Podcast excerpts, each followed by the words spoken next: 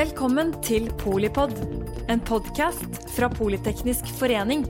Et kunnskapsbasert medlemsnettverk for bærekraftig teknologi og samfunnsutvikling. Koronapandemien, hva er de samfunnsmessige konsekvensene? Velkommen til deg der du er, til denne episoden av eh, Polipod, og spesielt velkommen til gjestene i studio. Lars eh, Ole Grottenberg, du er forsker i katastrofehåndtering og stipendiat i samfunnssikkerhet og risikostyring ved Universitetet i Agder.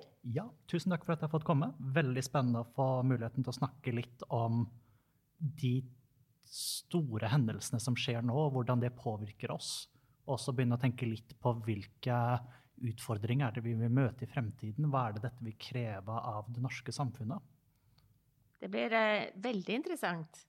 Arne O. Holm, ansvarlig redaktør i High North News og i styret for uh, Utsyn.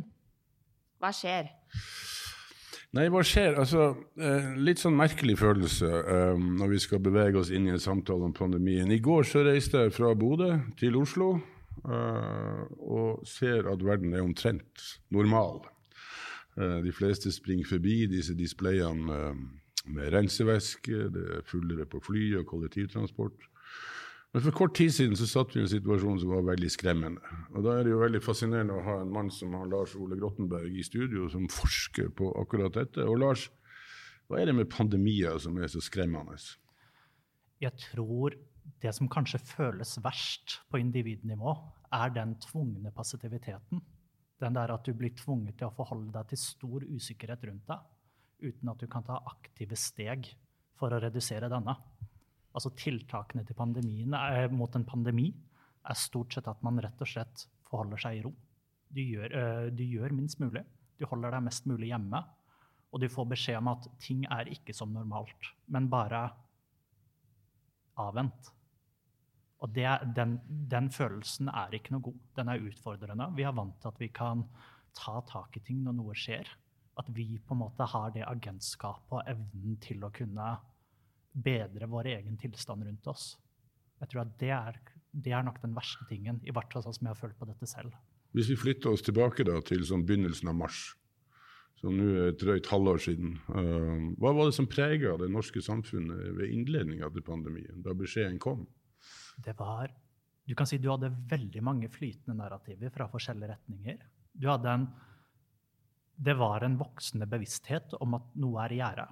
At nå må vi faktisk forholde oss til et eh, virus som vi ikke helt vet hva er, men vi vet at det kommer. Men på den andre siden så er det også mange høye stemmer som sier at dette, eh, dette, er ikke noe å bekymre seg for. Dette er en influensa. Det kommer ikke til å forårsake noen innvirkninger. Og så nesten ut av det blå, midt i mars, det var vel da 5. mars, så vidt jeg husker, så får vi plutselig beskjed om at alt er stengt. At nå er det fulle tiltak. Nå er vi i krise. Og jeg kan jo se for meg at hvis man ikke var helt oppdatert på debatten og fulgte med på hva som skjedde um, underveis da, så kan nok det ha kommet veldig brått. Men hva, Vi som mennesker var ikke forberedt på dette. Men hvis du nå i, i et drøyt halvår inn i kriseforståelsen skulle bedømme myndighetene, var de forberedt på det som kom? Det er alltid, alltid et godt spørsmål. Jeg tror at dette, dette, er det noen komiteer som jobber med for øyeblikket for å besvare det spørsmålet på en faglig relevant måte. Men du Men, sitter jo som forsker og kan bedømme ja, det litt friere. Være, ja, jeg ville tro at vi var ganske godt forberedt. Vi har tallenes tale på hvordan første runde gikk i Norge. Det gikk veldig bra. Vi har sett at det ikke har gått bra andre steder. Så du kan si at forhåndsarbeidet som har blitt lagt ned de siste årene, har vært veldig godt. Men vi ser også likevel at det er enkelte steder det har sviktet. Det har vært utfordringer vi har møtt underveis. Og vi har hatt litt uklare, uklare føringer på hvilke tiltak som blir først satt inn. Deretter at noen tiltak har blitt lettet og så blitt gjeninnført. Så det, dette er jo en læringsprosess. Men det er jo også viktig å huske at Norge har aldri vært i denne situasjonen før. Men verden har jo vært i den situasjonen før. Og Hvis vi nå for et øyeblikk går tilbake i historien og, og, og, og ser på andre pandemier, altså som vi har lest om på skolen altså Jeg tenker på svartedauden, som vi hadde på 1300-tallet, som jo tok livet av folk i, i søkk og kav. Eh, går vi enda lenger tilbake, rundt 540, så hadde vi det som kalles den justinianske, altså kanskje en byllepest. Som, som er muligens en, en, en, en forsmak på svartedauden, eller begynnelsen på svartedauden, for alt vi vet.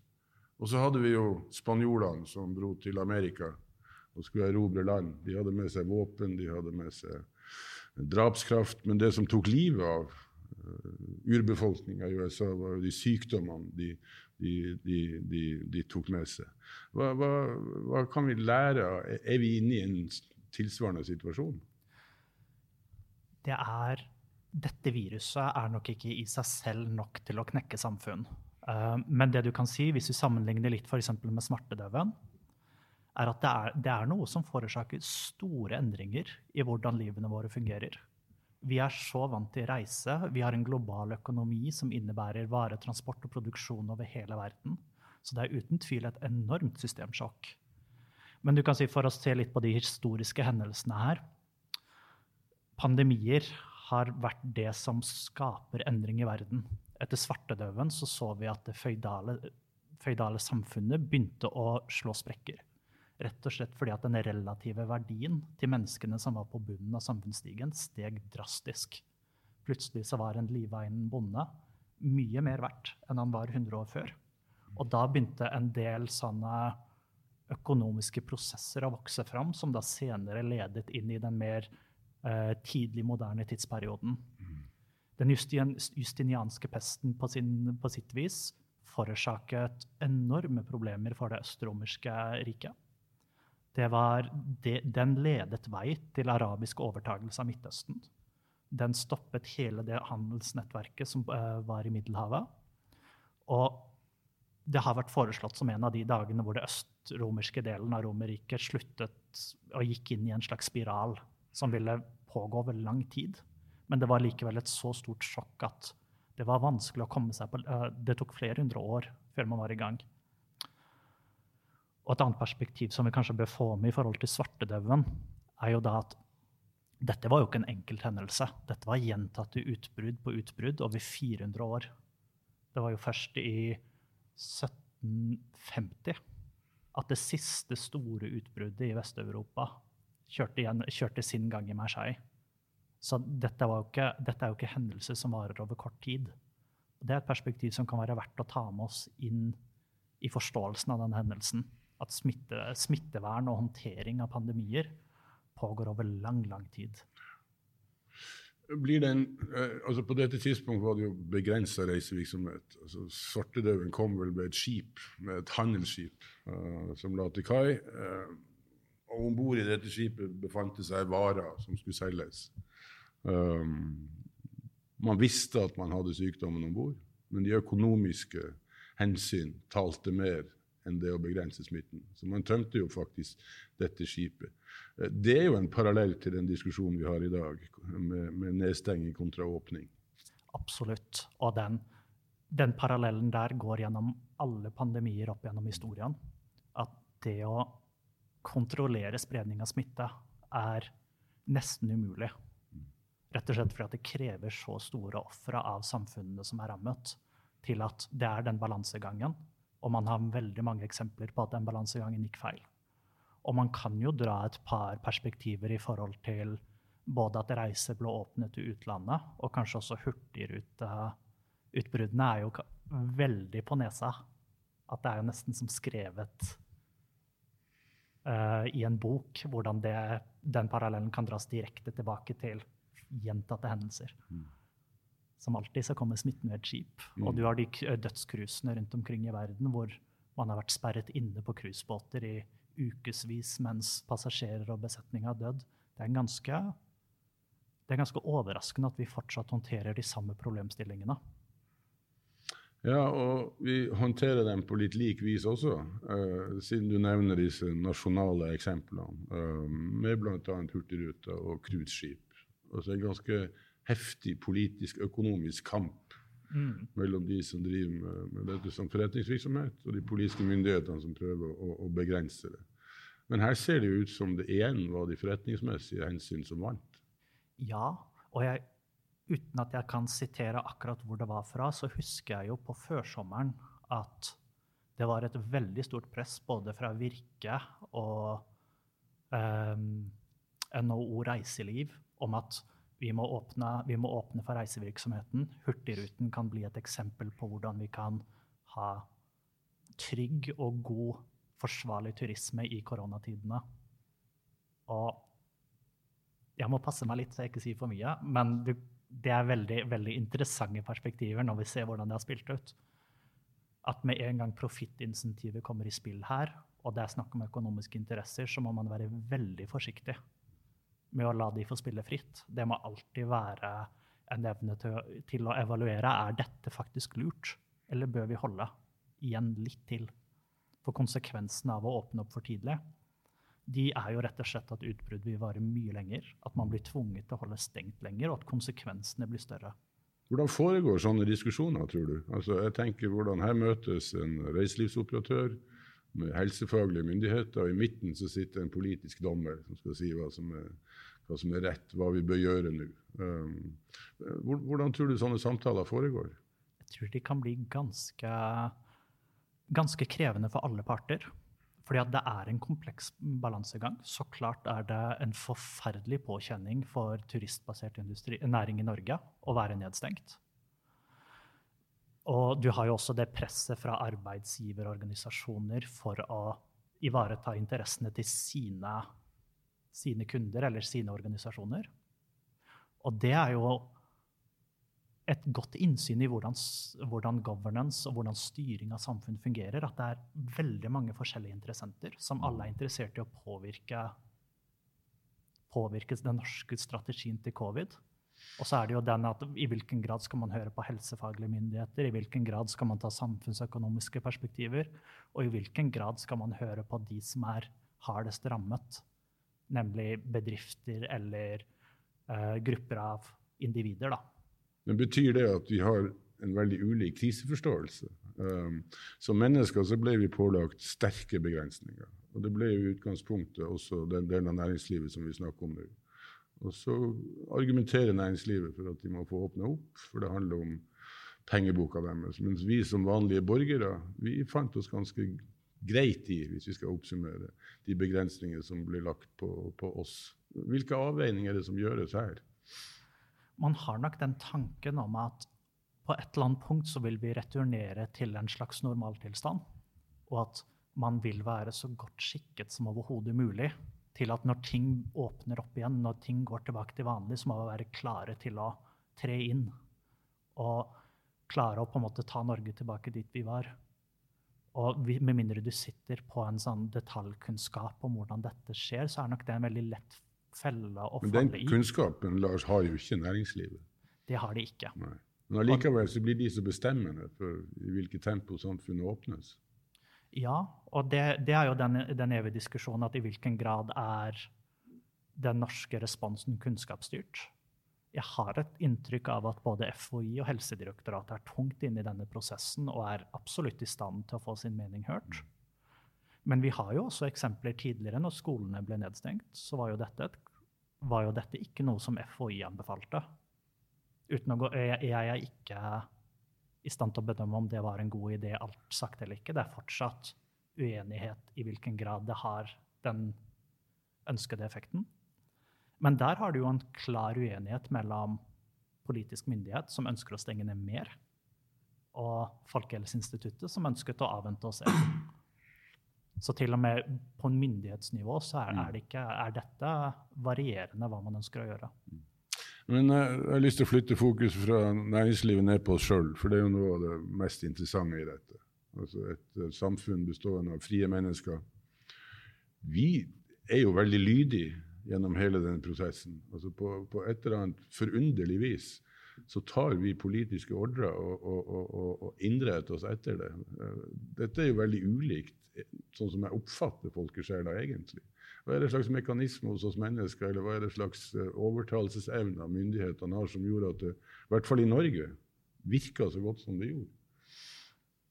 Jeg tror at det, det, man må kunne si, er at vi har en slags iboende tillit til at de, altså på myndighetsnivå så er man i stand til å ivareta våre interesser. Altså når, når du sitter der som individ, så du, kan du si at jeg tror at de norske myndighetene er faktisk i stand til å beskytte meg i den grad det kan gjøres, og passe på mine langsiktige økonomiske behov, sånn at jeg ikke blir et offer for dette. Mm. Og det blir jo da kanskje en, sånn, en eksempel på den norske samfunnskontrakten, og hvordan den de siste tiårene hvor man har bygd opp den tilliten til myndighetsnivå, nå betaler seg. Og jeg, kan, jeg, jeg vil ha lyst til å nevne raskt at du ser land nå hvor den samfunnstilliten ikke eksisterer. Og da ser man jo igjen at individer tar helt andre former for beslutninger. De opererer med en mye kortere tidshorisont. Og det, det blir mer egoisme, rett og slett fordi at tror du ikke at de som jobber langsiktig for å ivareta dine interesser, faktisk gjør det, så er du mer opptatt av å sikre deg selv nå. Og det er nok riktig fra deres perspektiv, men, men det er veldig spennende tankegang at nå får vi validert den norske modellen. Men er det da fordi at som mennesker i en åpen verden så henter vi jo informasjon også om en pandemi fra flere kilder enn våre egne myndigheter? Og her er det jo en myndighetskamp også om hvordan man skulle angripe dette. Altså, du har et president i USA som nærmest fornekter problemet overhodet. Vi skal bare over til Sverige for å se at man, man appellerte mer til det personlige ansvaret enn ved å sette regler. Men, men vi nordmenn vi, vi valgte altså å, å, stole på våre egne myndigheter. Ja, og det, det, er det, er jo interessant. Og du kan si i Sverige valgte de en helt annen modell. De valgte den modellen veldig tidlig da det fortsatt var veldig mye usikkerhet om hvordan dette viruset fungerer, hvordan det sprer seg, hvordan det uh, Hva ettereffektene blir. Altså hvor forsvarlig var det? Det var, det var beslutninger som ble tatt på meget stor usikkerhet. Og jeg tenker jo at det er jo også litt interessant når man da har den svenske statsepidemiologen Tengel, ganske bestemt mann, veldig bombastisk, veldig klar på at dette er måten å gjøre det på. Og nå får vi jo se hvordan ting spiller ut over lang tid. Hvis man da snakker om at man ikke nødvendigvis bygger immunitet, altså varig immunitet, så er jo tankegangen om at man bygger um, gruppeimmunitet plutselig kanskje ikke det riktige valget likevel. Så jeg tenker at her er det jo fortsatt mye svar som vi trenger å få. Men det sier også kanskje noe om litt om den svenske samfunnsstrukturen og den tilliten som eh, svenskene har til myndighetene sine. Kanskje det rett og slett ikke var realistisk at man skulle spørre dem om så mye som det ble spurt om i Norge. Kanskje de tok en evaluering på at vi har ikke den samfunnstilliten nødvendig for å stenge det ned. Det, um, det, er ikke noe som jeg kan si håndfast, men etter å ha bodd litt i Sverige og sånt, så ser jeg at det er en litt annen samfunnsdynamikk der. Så det er masse sånne ting som kan spille inn. Men er, er det jo Jeg fantes jo deler av Norge som oppførte seg litt annerledes enn en, en resten av Norge. Og jeg er jo sjøl nordlending. Um, og mens dette pandemiscenarioet ble rulla ut, myndighetene tok seg friheter ved å innskrenke friheter, så vokste det jo en slags opposisjon i Nord-Norge. Altså Man innførte det som, det som man uh, for, uh, ble kalt for søringkarantene. Eh, det gjorde jo at jeg for min egen del ikke kunne besøke familien min sørpå i løpet av mange mange måneder. For vi satt på hver vår grein. Eh, hvis jeg reiste sørover, eh, så ville jeg bli putta i karantene når jeg kom tilbake. Dette skjedde jo som et lokalt opprør. Så det var ikke altså, Norske myndigheter og politikere i spissen var jo egentlig motstandere av dette geografiske skillet som man, som man laga i Nord-Norge. Eh, og i Nord-Norge så klarte man jo å holde så langt eh, pandemien på et veldig lavt nivå. Men hva, hva, slags opprør var dette? Det var vel kanskje endelig sjansen til å få spilt et lite stikk tilbake til sør. Jeg, tenker jo at dette er jo en sånn problemstilling som kommer når man har regioner som er vant til å operere med mer autonomitet. Mm og hvordan de da stanger mot tiltak som kommer fra øverste nivå. At du kan si Nord-Norge er vant til å være litt mer selvstendige, har litt større mulighet til å kunne velge hva de skal gjøre, og hvordan det skal struktureres. Og det å møte med et ganske hardt norsk myndighetsregime som kommer og sier at dette er sånn ting skal løses. Det er nok, en, det er nok litt sårt. Og særlig spiller nok inn under en del sånne problemstillinger og tanker på hvordan nordområdene blir ivaretatt og sånt. Så, men så tenker jeg jo også at de har det er en litt annen struktur. altså Måten dere reiser på, er annerledes. Uh, det er mye mer flybasert trafikk. Dere har båt, uh, altså Hurtigruten som går langs kysten. Dere har jo faktisk helt andre kanaler for overføring av smitte enn hva vi ser sørover. Så på en måte så kunne jeg se at dere ønsker å ha litt større handlingsrom til hvordan dere skal holde smitte vekk fra eh, byer og tettsteder nordover. Men så er det jo litt den tankegangen igjen at for at disse tiltakene skal være, ha noen som helst verdi, og for at vi skal kunne holde det spleiselaget i gang hvor vi stoler på myndighetene, så er, også, er, det helt nødvendig at de er i stand til å um, innføre rettferdige tiltak som rammer alle likt. Ja, men dette var jo det store avviket. Ja. Uh, som ikke rammer likt. Og, og uh, etter en litt diskusjon frem og tilbake, så, så, så skal jeg si det litt sånn pompøst, så vant jo nordlendinger. For myndighetene ga seg jo. Uh, de aksepterte jo at det gikk ei grense ved Trøndelag og, og, nordover hvor man skulle ha egne regler. Også fordi man så at man klarte å holde smitten ute. Mm. Man klarte altså å trumfe myndighetene på ett punkt når det gjaldt håndtering av pandemien. Um, er ikke det litt oppsiktsvekkende? Det er litt oppsiktsvekkende. Og på en måte kan du si at det var potensielt farlig. For hvis man, når man lar nordområdene begynne å ta beslutninger på egen hånd, hva er det da som tilsier at ikke Trøndelag har lyst til å styre dette i større grad selv? Eller Vestlandet? Sørlandet? Det som tidligere var Østfold, men nå er en del av Viken. Det er, det er, man, det er en skummel trend. Men så var det nok også ganske kunnskapsdrevet at man så faktisk at man ville kunne senke spredningen av smitte nordover ved å kunne gjøre de tiltakene. Så det var nok ganske heftige diskusjoner på myndighetsnivå og på helse, helseberedskapsnivå. At de så at hva, disse tiltakene er faktisk Vi kan, vi kan ofre den myndigheten, eller det mandatet, for å faktisk holde smitten nede. Men jeg skulle gjerne vært flue på veggen i de møtene. Jeg kan, jeg kan se for meg at her var det mye diskusjon fram og tilbake mellom statsvitere og men vil dette, vil dette, Lars, hvis du tør å tenke tanken videre, da er vi jo litt utafor ditt fagfelt, men, men, du, bruker jo, du bruker jo begrep som en litt mer autonom eh, del av Norge. Vil dette sette fart i en debatt om enda større uavhengige, tror du, eller er dette noe knytta til akkurat den akutte situasjonen vi er i? Jeg tror kanskje at det hadde blitt verre hvis det var motsatt. Mm. Hvis myndighetene ikke hadde føyd seg på dette. For da hadde, det, da hadde, du fått den opposisjonen, og du hadde fått understreket den tankegangen om at nordområdenes interesser ikke blir ivaretatt. Så jeg tenker at fra det perspektivet så kan det være at man håndterer dette som at dette var en krise. Hvis du ser på, jeg vet ikke om du har sett noe særlig på det, men I Finland så valgte man jo på myndighetsnivå nærmest motsatt strategi. Man isolerte hovedstaden og nekta folk å komme til hovedstaden og nekta folk fra hovedstaden å, reise ut. Det var jo myndighetsbestemt, men det, det, fungerte jo på et vis på samme måte. Har du sett noe på det? Jeg har ikke sett noe særlig på Finland spesifikt, men jeg kan jo igjen se for meg litt at der har de jo Helsinki som store, det store byområdet i landet. Så det, no, det, er det, kanskje, det, er nok noen mekanismer der som gjør det enklere å på en måte separere det urbane miljøet rundt Helsinki fra mm. på en måte utkant-Finland. Men, um, Men effekten var jo også der at man uh, begrensa smitten nordover i Finland, blant annet. Mm. Mm. Men dette rører jo ved, egentlig ved et mye større spørsmål. Uh, um, her så vi et slags regionalt opprør. Uh, samtidig, på sentralt hold, så innførte man jo fullmaktslova, som vi knapt nok har sett i, i, i norsk historie, i hvert fall i, i, moderne tid.